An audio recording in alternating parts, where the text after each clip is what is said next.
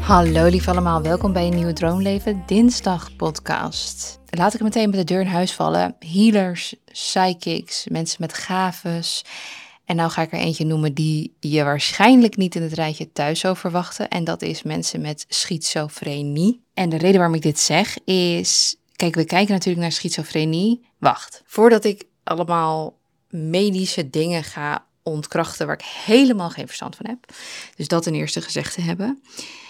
Ik vond het interessant toen ik een TikTok-filmpje zag van een jongen die schizofrenie heeft en ehm, wat dingen vertelde. En of dat nou te maken heeft met zijn schizofrenie of omdat hij misschien een andere gave heeft, dat weet ik niet. Maar ik vond het zo interessant dat ik ook een beetje dacht van zouden die niet juist een bepaalde waarheid weten of hebben of zien, waarbij we collectief hebben geleerd om deze mensen dus als gek te verklaren, zodat we hun kracht eigenlijk kunnen ontnemen. Ik heb tussendoor eventjes het fragment gevonden om in deze podcast te plaatsen. En daarna ga ik direct weer door met de podcast. Maar ik vond het heel interessant om het met jullie te delen, zodat jullie er ook een beeld bij hebben van wat ik, uh, wat ik heb gehoord van die schizofrene man. What's, what's the craziest thing you've concocted? Your imagination or your Oh, schizophrenia? man. The craziest thing that's I concocted? mean, I mean, you've already mentioned a few that are. probably that I'm God. Yeah, that's probably the craziest one. But apparently, God and the devil are the same incarnation, just at different lifetimes, if- depending on how much the people, the the the, the people are actually the psychics. This is the main collective psychic group. They control who is who, what numbers you get issued, what what names you'll get issued, stuff like that. And they're like, "You're God, dude. You're obviously God." Every time I go to the beach, if I throw, they, when I look at nature, if I'm walking on the street, if I look at nature, the message is very clear: throw them in the ocean.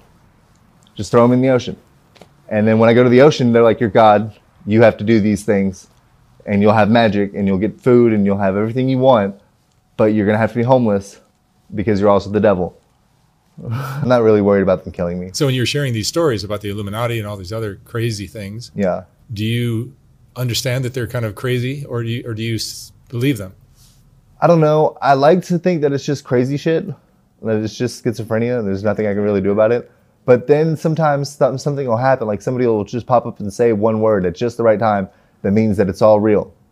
And then what I'm hearing, like, or like, uh, uh, I'll be standing next to somebody and I'll hear a voice on the wind of this woman I talked to from another dimension, who's like my soulmate. But we live on different worlds, so we have to keep dying and trying to come back on the same world just so we can be together and I will hear her on the wind, especially when I'm like eating or smoking weed, because in this universe she's weed basically. And when I eat it, I'm eating her. When I smoke it, I'm burning her, so it's always bad. But the high is like my favorite high. I prefer weed over crystal any day. Dan ga ik heel diep. Nu lijkt het bijna een soort van conspiracy. Dat wil ik helemaal niet aanmoedigen. Maar ik moest denken aan mensen die vroeger eh, heksen waren. Want eh, wat nu wel heel erg naar voren komt, is wat het eigenlijk betekende om heks te zijn. En wij hebben vanuit de heel veel sprookjes en verhalen de heksen gezien als iets eh, negatiefs. Maar eigenlijk was een heks een vrouw die heel erg met de natuur leefde. En natuurlijke remedieën, hoe noem je? Eh, remedies, medicijnen gebruikte, dus met kruiden en dat soort dingen. Om mensen te helen. Het gaat veel dieper en het is eigenlijk ongelooflijk bizar wat de waarheid blijkt te zijn achter hekserij. Ik zal even een Instagram-account linken in de show notes en adviseren om die te volgen. Dat is van Nienke Thurlings, als ik het goed uitspreek. Zij deelt hier heel veel over en ze is sowieso fantastisch om te volgen en zo inspirerend vind ik haar. En ehm, ja, dus mijn advies is om haar te volgen om hier meer over te begrijpen. Want ik heb daar niet genoeg verstand van om daar nu een hele podcast over te vullen. Maar ik wilde het noemen omdat het een beetje ehm, de vraagstelling opent van... hey, eh, hoe wij kijken naar bepaalde groepen mensen of mensen die we dan als gek verklaren. Waarom, waarom doen we dat eigenlijk? Eigenlijk dus ook met spirituele, spirituele mensen die dingen zeggen die we dan, waarvan we denken, ja, dat is helemaal woehoe, dat is niet, die is niet helemaal oké. En nu blijft er, weet je, nu is het wel zo dat er steeds meer spiritu spiritualiteit geaccepteerd wordt en veel meer mensen komen ermee in de aanraking en zien er een bepaalde waarheid of, of vinden er iets in voor zichzelf. Dus het wordt wel wat meer mainstream dan vroeger, waar het echt, eh, waar er echt een stereotype van was. Maar ik vind het dus interessant, want als we kijken naar de aarde als een soort van zwevende grote steen die door het, die in het heelal hangt, of eigenlijk niet hangt, maar keihard door het heelal vliegt. Met een heel fucking sterrenstelsel eromheen. Die ook eigenlijk aan het meevliegen zijn en ook een eigen draai hebben. Een soort van hun, weet je, de, de aarde draait om zijn eigen as, maar die draait ook nog om de zon. Dus om zijn eigen as, dat is dan dag en nacht, weet je wel. En de maan, oh nee, ja, dag en nacht. En de maan die draait dan weer om de aarde heen. En dan draait de aarde, terwijl die om zijn eigen as draait, om de zon heen. In één keer een heel cirkeltje om de zon heen draaien is dan uh, een jaar. En zo heeft elke planeet zijn eigen draai manier van draaien. Niet elke planeet doet hetzelfde zoals de aarde. Kijk maar naar de maan bijvoorbeeld, die gaat om de aarde heen. Nou, en zo heeft dus, wat ik zei, elke planeet een eigen soort draai. En als je dan kijkt naar welke patronen eruit komen als je elke planeet zijn volledige draait totdat hij weer terug is op de plek waar die was. Als je die, dat patroon eigenlijk uittekent, dan krijg je dus ontzettend mooie grafische patronen. Het is gewoon een soort van kunstwerk. Vooral als je die patronen ook nog eens op elkaar legt. Ja, ga mij niet vertellen dat, dat, dat we gek zijn of zo als we geloven in dingen die we niet, niet altijd kunnen zien. Nee, hoe, hoe wil ik nee, wat ik eigenlijk wil zeggen is, hoe de fuck gaan we hier op aarde doen dat als iemand eh, dingen benoemt die we niet kunnen zien, dat die dan gek is. Maar serieus, weet, weten wij dan alles? Begrijpen we alles? Elk jaar komen er weer nieuwe inzichten, sterker nog, de Nobelprijzen. Hè? Mensen die hechten daar dan weer natuurlijk waarde aan die uitgereikt worden jaar in jaar uit, zijn dingen die in de spirituele wereld al lang bekend waren. De afgelopen jaren dan, hè, met de Nobelprijs. Ik heb het niet over altijd. Maar goed, er komt dus steeds meer bewijs van dingen die spirituele mensen dus eigenlijk al jaren zeggen en beweren en er leven. Maar wel als gek worden of werden verklaard.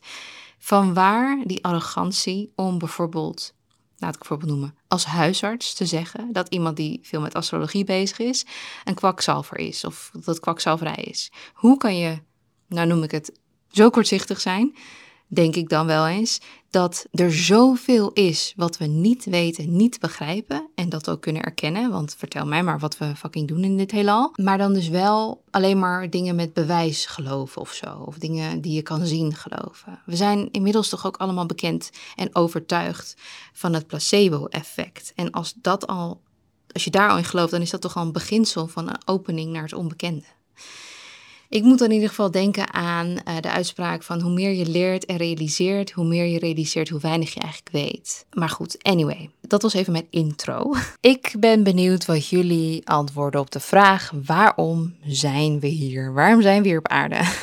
wat een, hoe noem je dat? Diepe existential question. Maar elke keer als ik hier vroeger even over nadacht, dan werd ik zo nerveus van die gedachte dat ik het eigenlijk heel snel weer uit mijn hoofd haalde en. Um, ja, ik kon het gewoon niet bevatten. Ik dacht na over het heelal en het sterrenstelsel en, het, en de grootsheid zeg maar, ervan.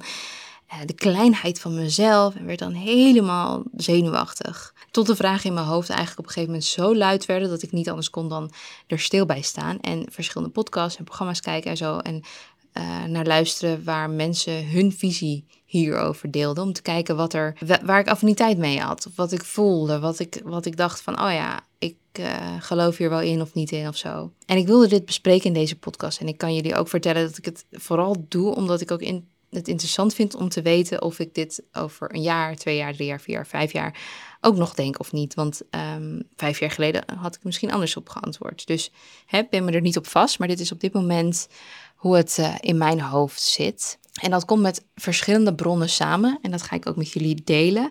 Waarom bepaalde dingen ja, zeg maar de elementen die ik zo bij elkaar raap, tot dit geloof leiden, zeg maar. En met geloof doe ik niet religie, maar wat ik geloof op dit moment. Het allereerste is dat als er wordt gekeken naar de sterren, het heelal, sterrenstelsel en sterrenstof, dus waar sterren van zijn gemaakt, dan zijn dat dezelfde elementen die komen overeen met het menselijk lichaam wat op zichzelf al magisch is. En ik moet dan altijd denken aan het liedje van Via, We Are Made of Stars, wat dus ook echt zo is. We zijn dus letterlijk sterrenstof. En dit was in een docu Oh, ik had het gedeeld. Als je op mijn Instagram bij highlights bij uh, Spiri kijkt, daar kom je achter welke docu dat was waarin, uh, waarin dat uh, bekend werd. Dus als we hier dan nog even verder over nadenken, hè, wat doen we hier dan? Zijn we dan een ster die tijdelijk hier op aarde mag zijn, in een soort van vorm die zich leent voor de aarde, namelijk menselijk lichaam?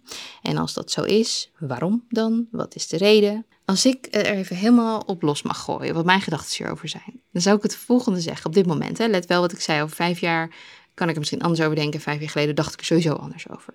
Ik denk dat wij zieltjes zijn in het universum met een bewustzijn en de herinnering van eigenlijk alles en het begrip ook voor alles. En dat we mogen kiezen in welke vorm we reïncarneren of, of hoe noem je dat, manifesteren op welke planeet. En ik denk dus dat wij allemaal hier op aarde eerder als ziel hebben gekozen om als mens hier op aarde te komen. Of het nou is om terug te komen of om voor het eerst te komen of wat dan ook. Maar in ieder geval dat we hebben gekozen voor dit leven, voor deze belevenis als mens hier op aarde. Een van de redenen waarom ik dit denk is door een boek van Dolores Cannon. Als ik het verkeerd zeg, uh, excuse me, maar ik zal het ook linken in de show notes. Zij is een vrouw die mensen hypnotiseerde. Ze is overleden, dus daarom verleden tijd. En dan uh, naar de vorige levens van die mensen ging. En ze documenteerde dan de vorige levens van mensen en kwam erachter dat er dus overeenstemmingen waren. Dat er dus eigenlijk verschillende groepen waren. Dus dat mensen die op totaal verschillende plekken van de aarde woonden en geen connectie met elkaar hadden, bijvoorbeeld dezelfde dingen beschreven van vorige levens. En die dan dus niet op aarde afspeelden, maar op andere planeten, op andere manieren, met andere wetten. Dus bijvoorbeeld geen zwaartekracht, of dat ze juist telepathisch uh, waren, of dat, er, dat alles vanuit een soort van aluminiumachtige stof uh, gebouwd was of zo. Of dat er, uh, er was ook een interessante, vond ik, over dat je niet kon liegen of zoiets. Dat er dat, dat er puur, alleen maar puurheid was of zo. En op heel veel verschillende planeten, vertelde ze, was er een bewustzijn van dat we een zieltje zijn die hebben gekozen voor dat leven op dat moment.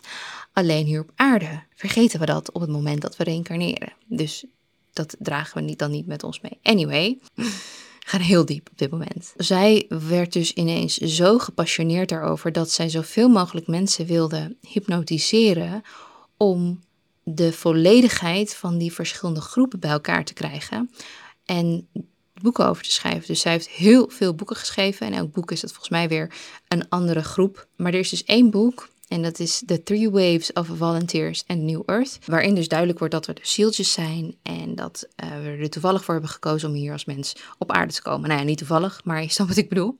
En Dolores schrijft, beschrijft de aarde ook niet per se als een leuke, fijne planeet om op te komen. Een zware planeet. Maar dat het wel een geavanceerde plek is waar je ziel lessen kan leren. Dat dit eigenlijk een soort van de, de moeilijke, moeilijkheidsgraad is hier heel, heel, heel hoog. En ik moet ook denken aan, ik weet niet of jullie Bashar kennen. Bashar is eigenlijk, misschien kennen jullie wel Abraham Hicks, Esther Hicks, die Abraham channelt.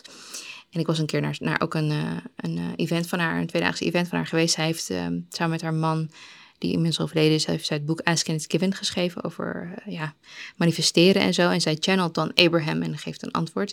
En er is een man die is op TikTok nu best wel bekend aan het worden, die channelt dan Bashar. En Bashar is eigenlijk een entiteit van een andere planeet. En ik vond het grappig dat een keer, als ik het filmpje vind, dan ga ik het hier integreren hoor, in deze podcast, het stukje. Waarin een man vraagt van, hey, zijn wij nou zo dom aan het doen hier als mensen? En dat we gewoon moeilijk doen en niet uh, weet je, we begrijpen dat, we, wat, dat onze breinen superkrachtig zijn, dat we met onze mind heel veel kunnen doen, maar waarom doen we het niet en maken we het onszelf moeilijk en zijn we gewoon amateurs?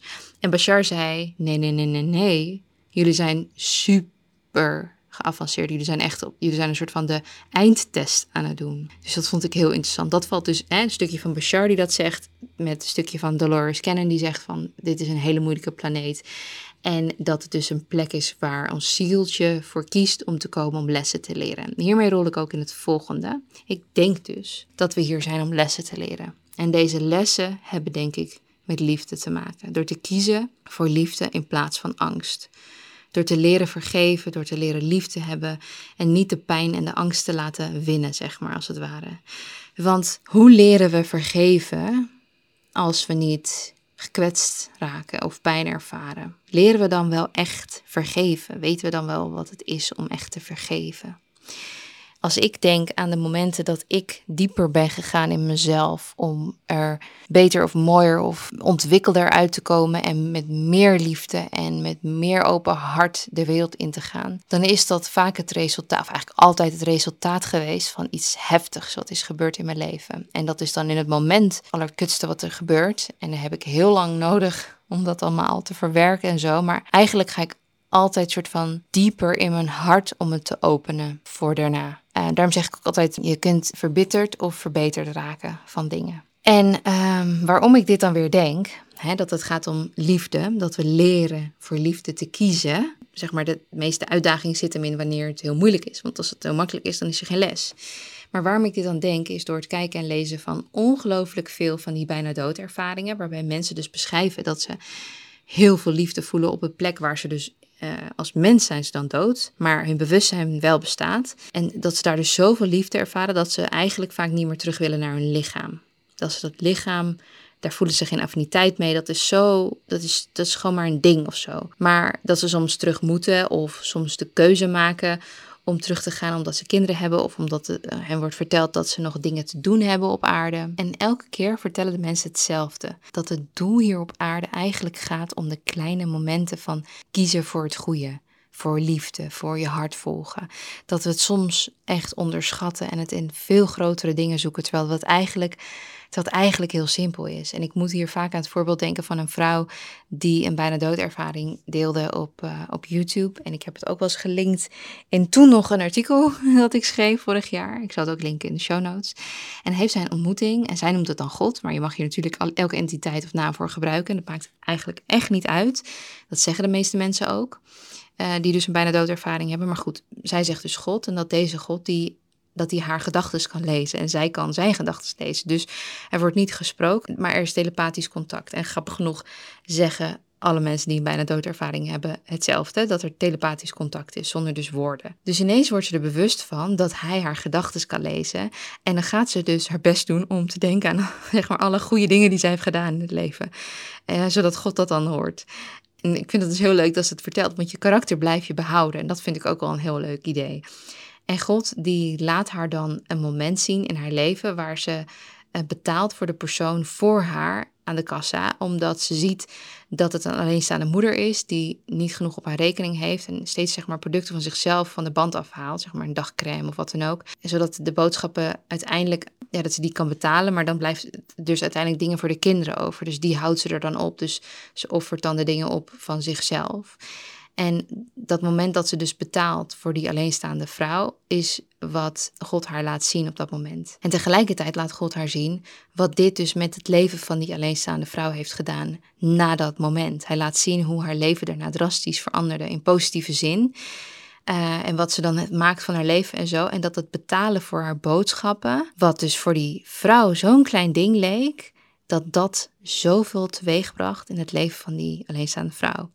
En zij vertelt dan dus dat ze echt denkt van, huh, dit kleine ding, God laat je mij dit kleine ding zien. Ik heb veel grotere dingen gedaan en je laat me nu dit ding zien, huh? En dan wordt haar dus duidelijk dat het hem in deze kleine dingen zit. Al is het maar een glimlach geven aan een vreemde, positief denken over een vreemde of een ander of wat dan ook.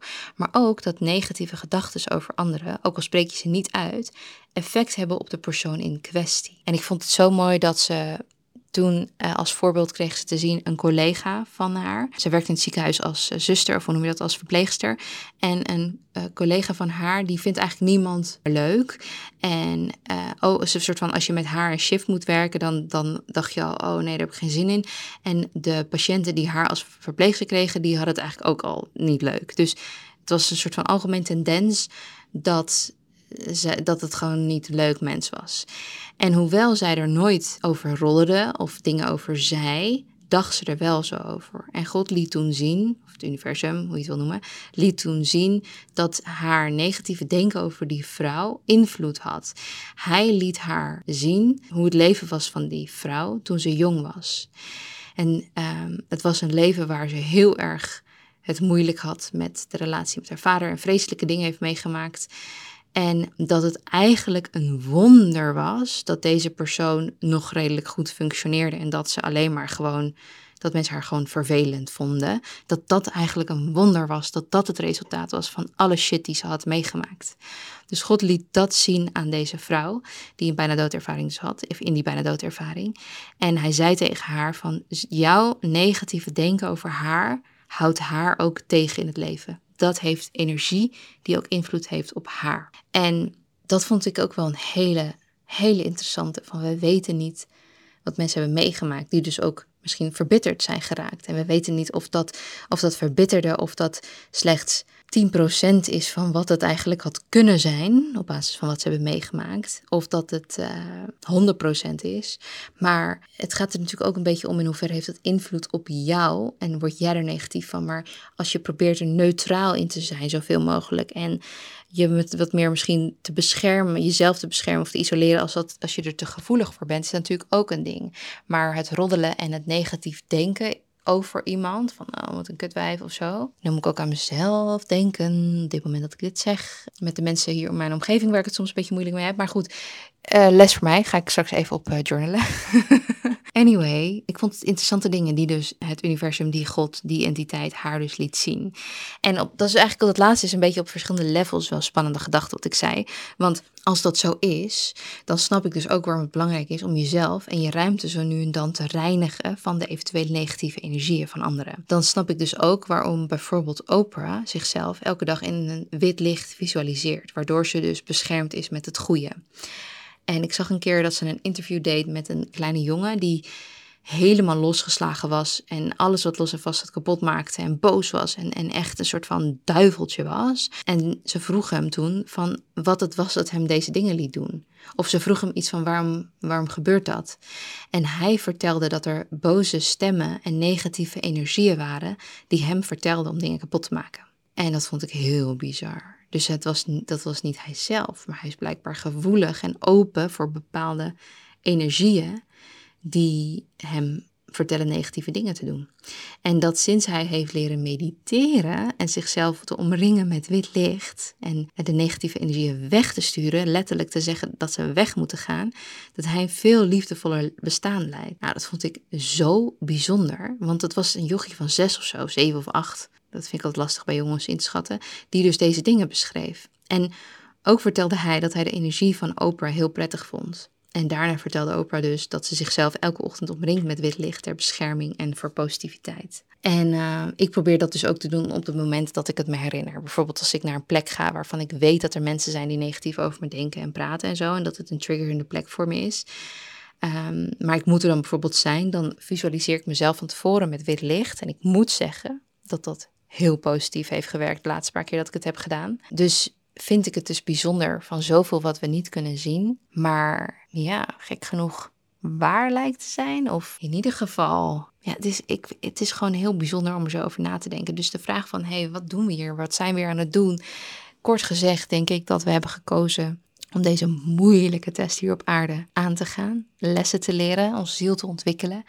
En dat de test is om te kiezen voor liefde in plaats van angst. Om liefde te laten winnen. Om je hart open te stellen. Om je passie te volgen, je hart te volgen. Om niet een leven te bestaan of te, te leiden waarin je doet wat van je verwacht wordt terwijl je dat zelf niet wilt. Ik denk dat we hier op aarde zijn om te creëren.